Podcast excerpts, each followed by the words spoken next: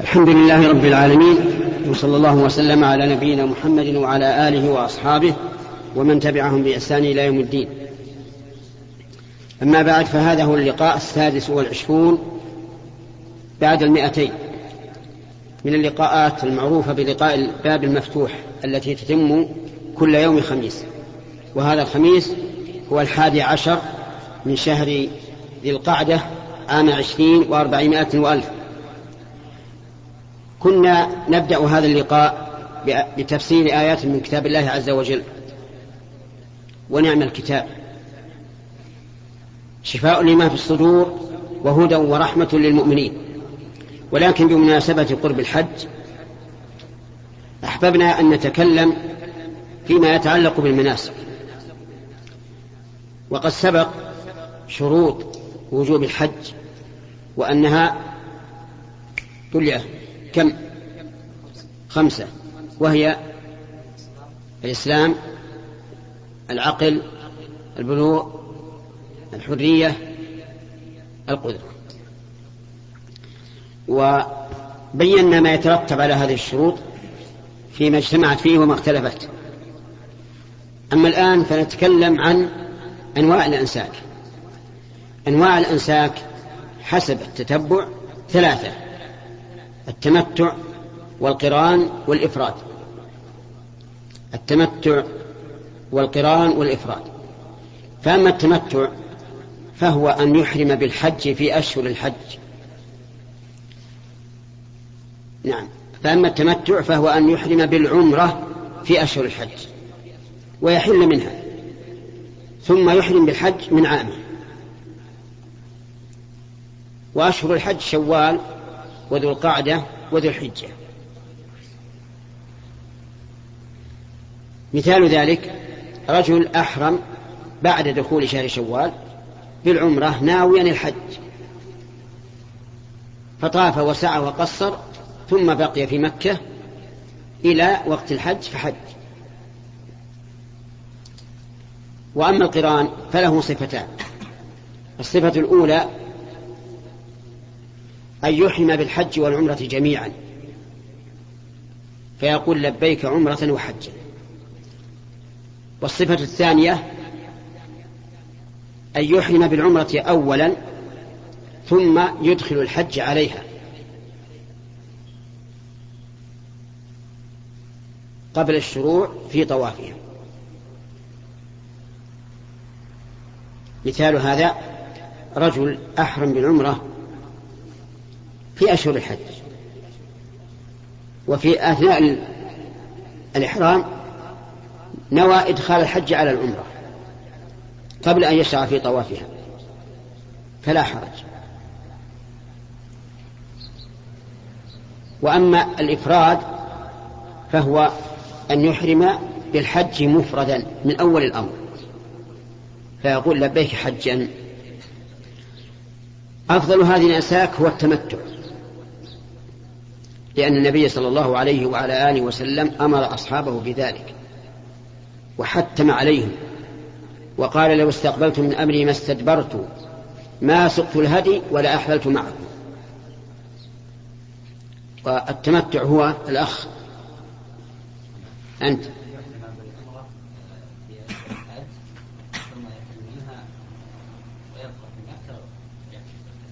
طيب. يحمل في أشهر الحج ناويا الحج. نعم. طيب.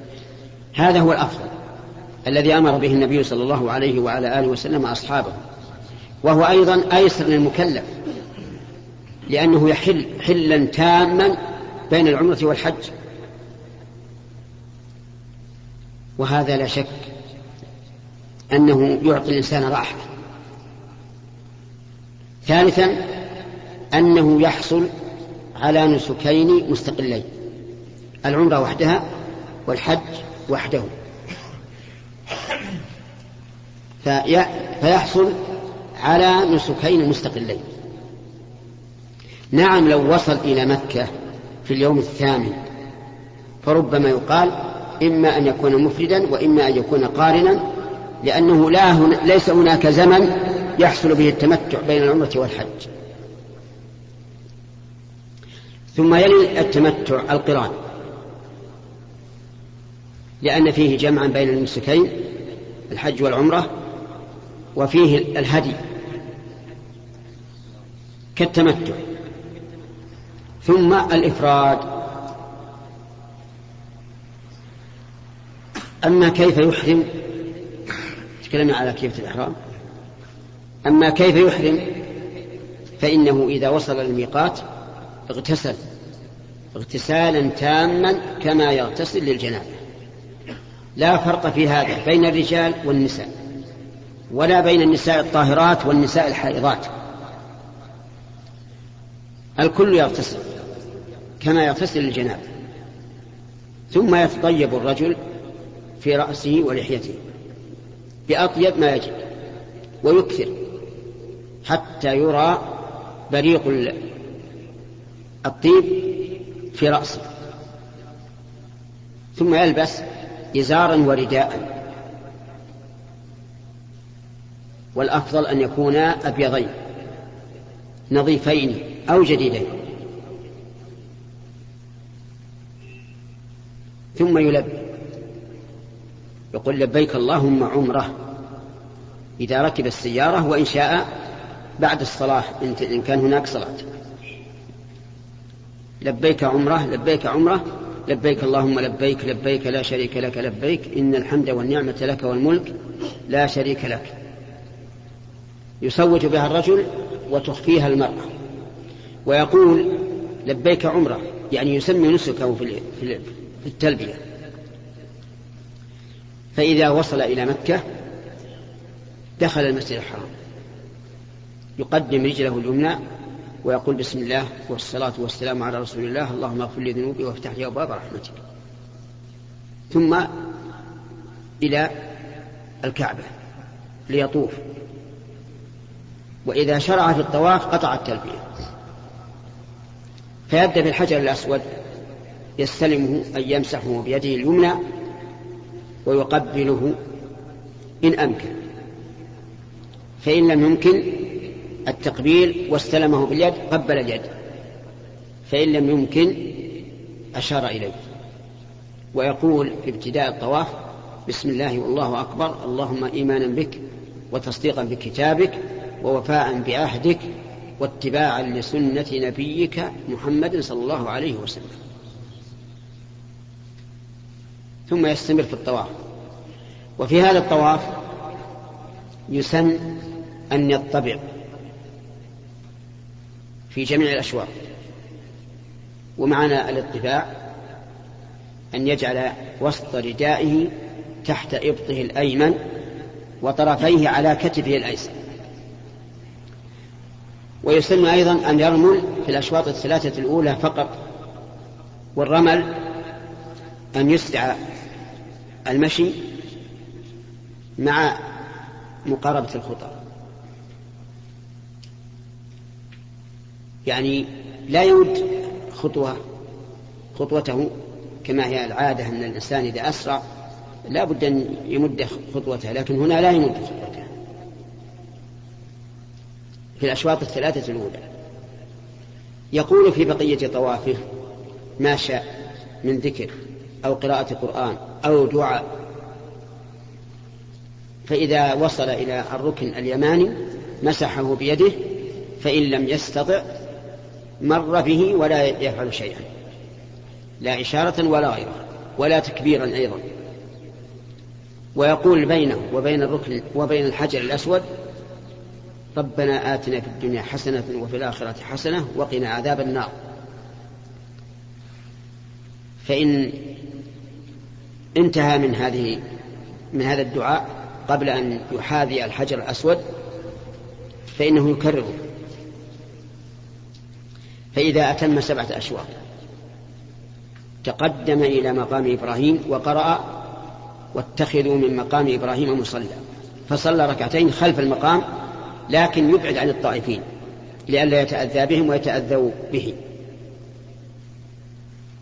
يقرأ في الأولى قل يا أيها الكافرون وفي الثانية قل هو الله أحد مع الفاتحة. ويخففهما ولا يبقى بعدهما في مكانه بل ينصرف فورا.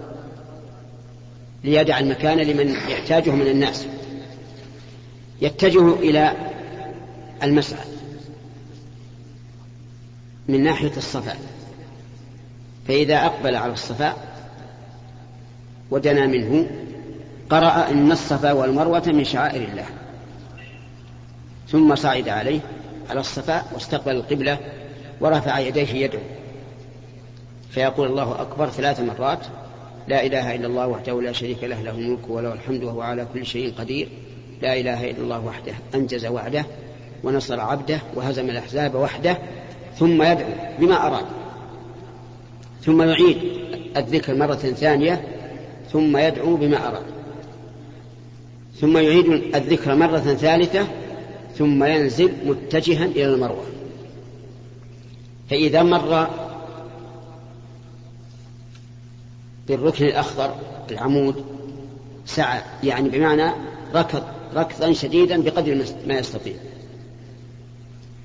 حتى يصل إلى الركن الأخضر الآخر ثم يمشي طبيعيا. حتى يصل إلى المروة فيصعد عليها ويستقبل القبلة ويرفع يديه يد الله تعالى بما, فعل بما دعا به في الصفا. هذا شوط ثم يرجع إلى السماء يمشي في موضع مشي ويسعى في موضع سعي فيرقى على الصفا ويفعل كما فعل أولا. هذا شوط آخر. حتى يتم سبعة أشواط. وفي طوافه يدعو بما شاء. يذكر الله بما شاء. يقرأ القرآن. ولا يعيد قراءة الآية إن الصفا والمروة من شعائر الله. لا, لا يعيدها لا عند الصفا ولا عند المروة لأن هذه الآية إنما تتلى أول مرة إذا دنا من الصفا. فإذا أتم سبعة أشواط فإنه يقصر من شعره من جميع الرأس. وبذلك تمت العمرة وحل من إحرامه. الحل كله. حتى من النساء إذا كان معه أهله فلا حرج أن يباشرهم. آه القارن والمفرد يفعل عند الميقات كما فعل المتمتع. يغتسل ويلبس ويتطيب ويلبس الإزار والرداء ويقول لبيك اللهم لبيك لبيك لا شريك لك لبيك. إن الحمد والنعمة لك والملك لا شريك لك. ويقول إن كان مفردا لبيك حجا إن كان قارنا لبيك عمرة وحجا. ويستمر في التلبية إلى أن يرمي جمرة العقبة. فإذا وصل إلى الكعبة فعل كما فعل المتمتع في الطواف وفي السعي. ولكنه لا يقصر بعد انتهاء السعي لأنه لا يحل إلا يوم العيد. يبقى على إحرامه. فإذا كان اليوم الثامن من ذي الحجة أحرم بالحج. إذا كان متمتعا. وإن كان قارنا فهو لا زال على إحرامه. ويفعل عند إحرامه في الحج كما فعل عند إحرامه في العمرة. آه، فماذا يصنع الأخ؟ نعم.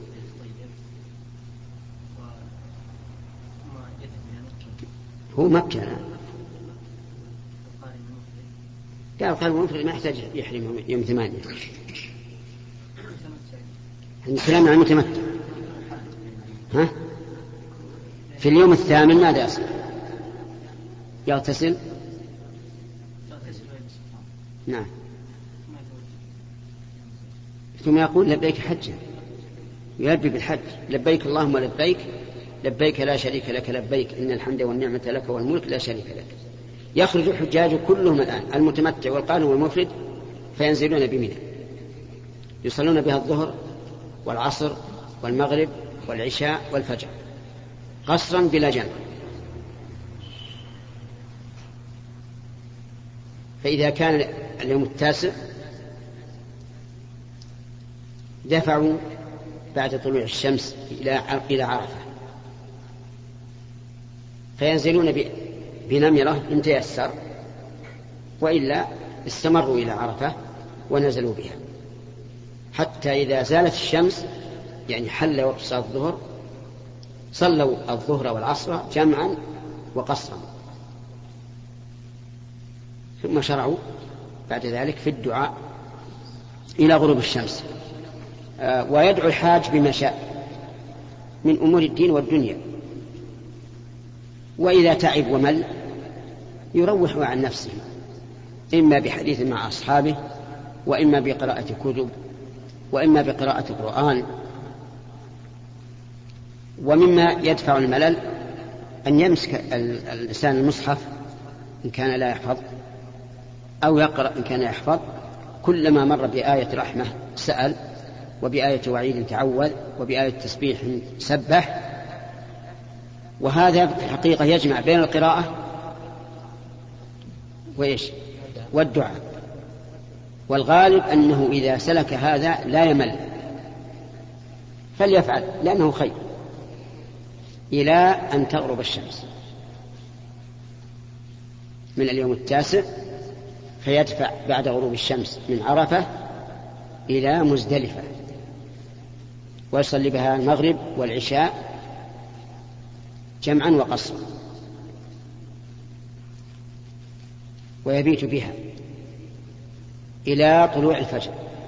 فإذا طلع الفجر صلى الفجر بسنتها وبقي يذكر الله سبحانه وتعالى بما أحب إلى أن يسفر جدا فيدفع قبل أن تطلع الشمس متجها إلى منى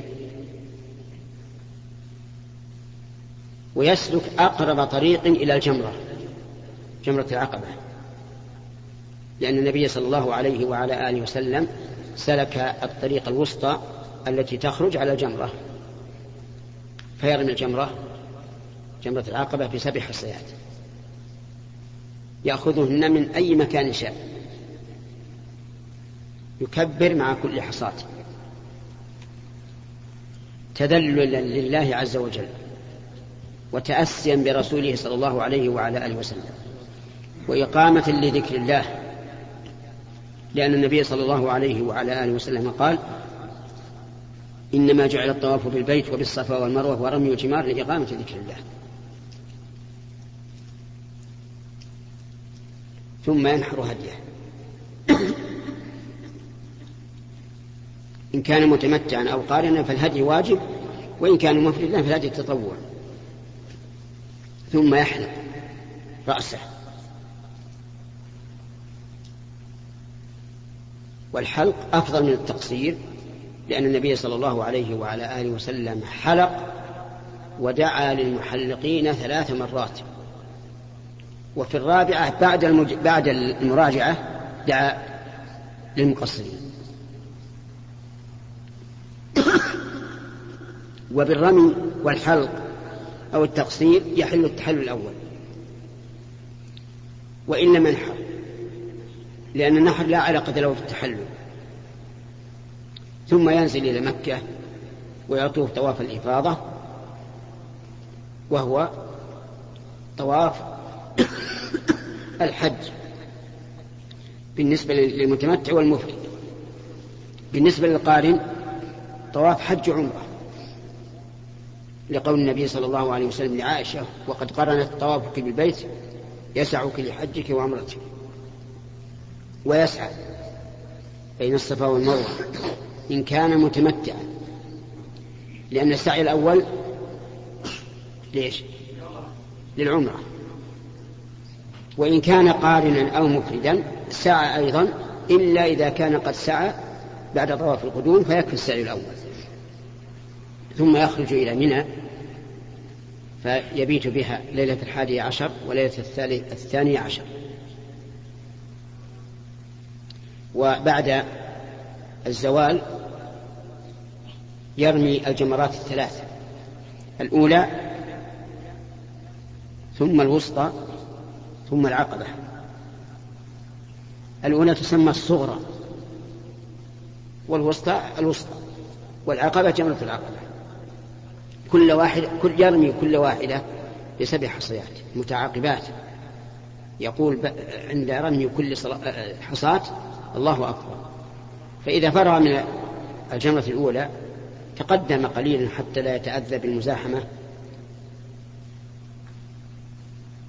فوقف مستقبل القبلة رافعا يديه يدعو الله تعالى دعاء طويلا بما أحب. وكذلك أيضا بعد رمي الوسطى. أما العقبة فلا وقوف بعدها لا يوم النحر ولا الأيام التي بعده فإذا رمى اليوم الثاني عشر فله الخيار بين أن يبقى إلى الثالث عشر ويرمي أو ينزل إلى مكة وينهي الحج. يقول الله تعالى فمن تعجل في يومين فلا إثم عليه ومن تأخر فلا إثم عليه لمن اتقى. فإذا أراد أن يرجع إلى بلده طاف طواف الوداع. سبعة أشواط بثيابه المعتادة وبدون سعي ويكون الطواف عند السفر. وبذلك تمت صفة الحج والعمرة والذي يجب على المرء الذي يريد الحج أن يتعلم كيف يعتمر وكيف يحج. وأن يعرف محظورات الإحرام. ما هي؟ حتى يتجنبها. فيعبد الله تعالى على بصيرة. وهنا وقفات. منها لو أن الإنسان أحرم بالحج يوم الثاني وسار إلى عرفة دون أن ينزل في منى فهذا جائز. لكنه خلاف الأصل. دليل هذا حديث عروة بن مدرس رضي الله عنه أنه أتى النبي صلى الله عليه وعلى آله وسلم وهو يصلي صلاة الفجر في مزدلفة وأخبره أنه من طيب وأنه ما ترك جبلا إلا وقف عنده. فقال النبي صلى الله عليه وعلى آله وسلم من صلى صلاتنا هذه ووقف معنا حتى ندفع وقد وقف قبل ذلك بعرفة ليلا ونهارا فقد تم حجه وقضى تفته ولم يذكر المبيت في منى ليلة التاسع. فدل هذا على أنه ليس بواجب. ومنها لو لم يحضر الإنسان إلى عرفة إلا بعد العصر فإنه يجزئه. لكن كلما تقدم فهو أفضل. والوقوف بعد الزوال ومنها لو وقف بعرفة ودفع قبل غروب الشمس كان ذلك حراما عليه. لأن النبي صلى الله عليه وعلى آله وسلم وقف حتى غابت الشمس ثم دفع. وقال خذوا عني مناسككم. ومنها لو لم يأتي إلى عرفة إلا بعد غروب الشمس ووقف بها ثم دفع. فإن حجه صحيح لقول النبي صلى الله عليه وعلى آله وسلم لعروة بن مؤرس وقد وقف قبل ذلك بعرفة ليلا أو نهارا. وليس عليه دم. ومنها لو دفع من مزدلفة قبل الفجر. فهل هذا جائز؟ فالجواب نعم هو جائز. لكن الأفضل أن يبقى حتى يصلي الفجر فيها ويسفر جدا. إلا أنه إذا كان يخشى من الزحام فإنه فالأفضل أن يتقدم. ويرمي من منى ويرمي الجمرة متى وصل إلى منى ولو قبل الفجر. لأن النبي صلى الله عليه وعلى آله وسلم أذن للضعفة والنساء أن يتقدموا إلى منى فيرموا قبل زحمة الناس. ومنها لو أخر الرمي رمي جمرة العقبة عن الصباح إلى المساء فلا بأس لكنه يبقى على إحرامه لأنه لا يحل التحلل الأول إلا إذا رمى وحلق أو قصر. ومنها لو قدم النحر على الرمي يعني أنه وصل إلى منى بعد أن ارتفعت الشمس ورأى أن المنحر أقرب إليه من الجمرة فنحر قبل أن يرمي. فلا حرج. ومنها لو لو حلق قبل أن ينحر. يعني رمى الجمرة ووجد أن الحلاقين قريبين قريبون منه. فحلق قبل أن ينحر فلا بأس. ومنها لو نزل من مزدلفة إلى مكة رأسا. وطاف وسعى ثم خرج إلى منى فرمى ونحر وحلق فلا بأس.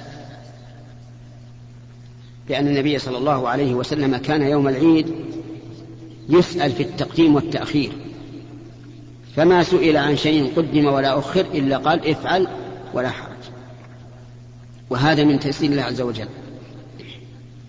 ومنها لو تعجل الإنسان يعني أراد أن يخرج من منى يوم الثاني عشر.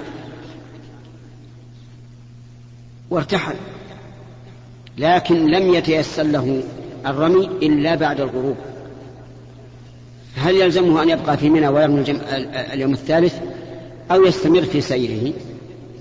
الجواب يستمر في سيره. لأن الرجل تعجل وارتحل. فحبسه حابس عن الخروج قبل الغروب. فيستمر. ومنها لو طاف للوداع في صباح اليوم الثاني عشر. ثم خرج إلى منى ورمى الجمرات بعد الزوال ومشى إلى بلده. فهذا لا يجوز. لأن طواف الوداع يجب أن يكون آخر شيء. وهذا جعل آخر شيء إيش؟ الرمي فلا فلا يجوز. ومنها لو ارتحل من منى في الضحى خرج من منى ونزل في الأبطح أو في بيته ولما زالت الشمس خرج إلى منى ورمى الجمرات فهذا جائز. لأن بعض الناس يختار هذا لأنه أسهل في الزحام أن يتقدم قبل أن ينصرف الناس. فيتقدم وينزل في أي مكان شاء وإذا زالت الشمس رجع إلى منى فرمى الجمرات الثلاث. ثم يطوف الوداع إذا كان يريد المشي. ومنها لو أخر طواف الإفاضة فطافه عند الخروج فإنه يجزئه عن طواف الوداع. لأن المقصود بطواف الوداع أن يكون آخر عهد الإنسان ببيت الطواف وقد حصل. كما لو دخل المسجد وصلى الفريضة أجزأته عن عن تحية المسجد. ومنها لو أن الإنسان طاف ساو قصر حل فهل الأفضل أن يأتي إلى البيت ويطوف أو الأفضل أن لا يطوف؟ الأفضل أن لا يطوف. بل يدعو الطواف بل يدعو المطاف لمن يحتاجه. ولذلك لم يطف النبي صلى الله عليه وعلى آله وسلم في حجة الوداع إلا طوافا واحدا فقط. يعني طواف نعم لم يطف إلا طوافا واحدا الفريضة طواف الإفاضة والوداع وطواف القدوم ثلاثة. ولم يطف طواف تطوع أبدا. وخير الهدي هدي محمد صلى الله عليه وعلى آله وسلم. وأنت إذا جئت لتطوف ستتأذى من الزحام وتؤذي غيرك وتضيق المكان مع أنه ليس بالسنة في هذا الحال.